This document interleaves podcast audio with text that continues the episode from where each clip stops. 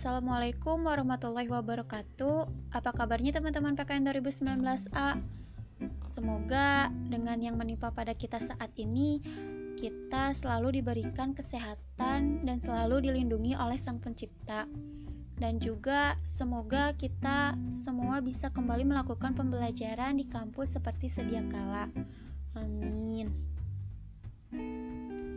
Baik teman-teman, di sini saya Debi Indasari Banon dengan NIM 190522 dan bersama rekan saya Tubagus Tegar. Kami di sini dari kelompok 20 akan mencoba untuk memaparkan chapter report yang berjudul Standard and Deliver Yet Another Standard Based Framework and the ground level work of pre-service teacher education. Nah, dari judulnya kita bisa tebak ya teman-teman. Jadi di sini saya akan memaparkan mengenai kerangka berbasis standar dan pekerjaan tingkat dasar dari pendidikan guru prajabatan. Nah, teman-teman, jadi dalam bab ini berisi mengenai bagaimana para guru untuk dapat mengajar, memahami para pelajar melalui beberapa standar tentang pengembangan pembelajaran di bawah kategori Intax. Nah, Intax itu apa sih, teman-teman? Jadi, Intax ini adalah suatu standar resmi yang ditetapkan untuk semua program persiapan guru prajabatan yang disetujui oleh negara. Langsung saja ya teman-teman, di dalam bab ini penulis menjelaskan mengenai membongkar standar. Nah, pasti teman-teman di sini bingung kan? Apa sih yang dimaksud dengan standar di sini? Jadi, teman-teman, menurut Kamus KBBI, standar adalah suatu ukuran yang dipakai sebagai patokan. Dalam hal ini, penulis akan membongkar standar di bawah kategori Intax. Baik, kita sekarang kembali lagi ya pada pembahasan teman-teman. Jadi, membongkar standar ini penulis di sini menuliskan bagaimana untuk menafsirkan secara umum mengenai intaks dalam kategori pelajar dan pembelajaran dengan cara yang selaras dengan apa yang telah penulis tentukan sebelumnya mengenai visi pendidikan guru studi sosial yang baik. Nah, di sini dijelaskan mengenai metode penyelidikan yang digunakan dalam hal ini yaitu konseptual analisis teman-teman.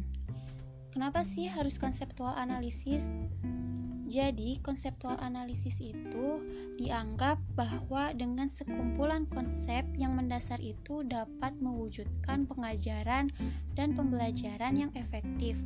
Dalam metode penyelidikan ini, beralasan bahwa seorang pendidik guru itu harus berpengalaman.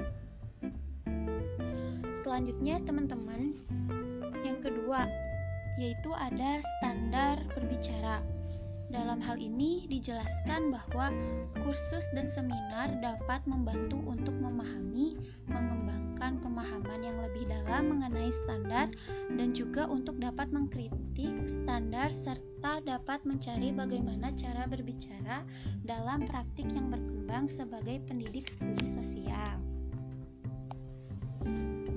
Dan juga dalam hal ini, di sini guru dituntut untuk mengajar menggunakan kerangka kontekstual dan tidak mengajarkan standar secara linier. Lalu selanjutnya di sini dijelaskan mengenai standar pengembangan pembelajaran. Dalam hal ini bertujuan untuk agar guru dapat memahami bagaimana peserta didik agar tumbuh dan berkembang mengenali pola-pola pembelajaran dan pengembangan bervariasi secara individual di dalam dan lintas kognitif, linguistik, bidang sosial, emosional, dan fisik, dan implementasi secara perkembangan pengalaman belajar yang tepat dan menantang. Jadi, eh, dalam pembahasan di sini saya menyimpulkan bahwa dalam bab ini penulis menja penulis menjelaskan mengenai standar yang berada di bawah kategori intaks ini bahwasanya seorang guru harus dapat memahami faktor perkembangan siswa yang di mana hal ini sangat penting bagi seorang guru agar seorang guru itu dapat menyelaraskan dalam kegiatan pembelajaran dengan metode apa dan bagaimana agar peserta didik dapat memahami standar atau pembelajaran yang guru berikan. Sekian teman-teman pemaparan dari saya. Selanjutnya akan dilanjutkan oleh rekan saya Tubagus Tegar di podcast selanjutnya. Mohon maaf apabila ada salah-salah kata. Wassalamualaikum warahmatullahi wabarakatuh.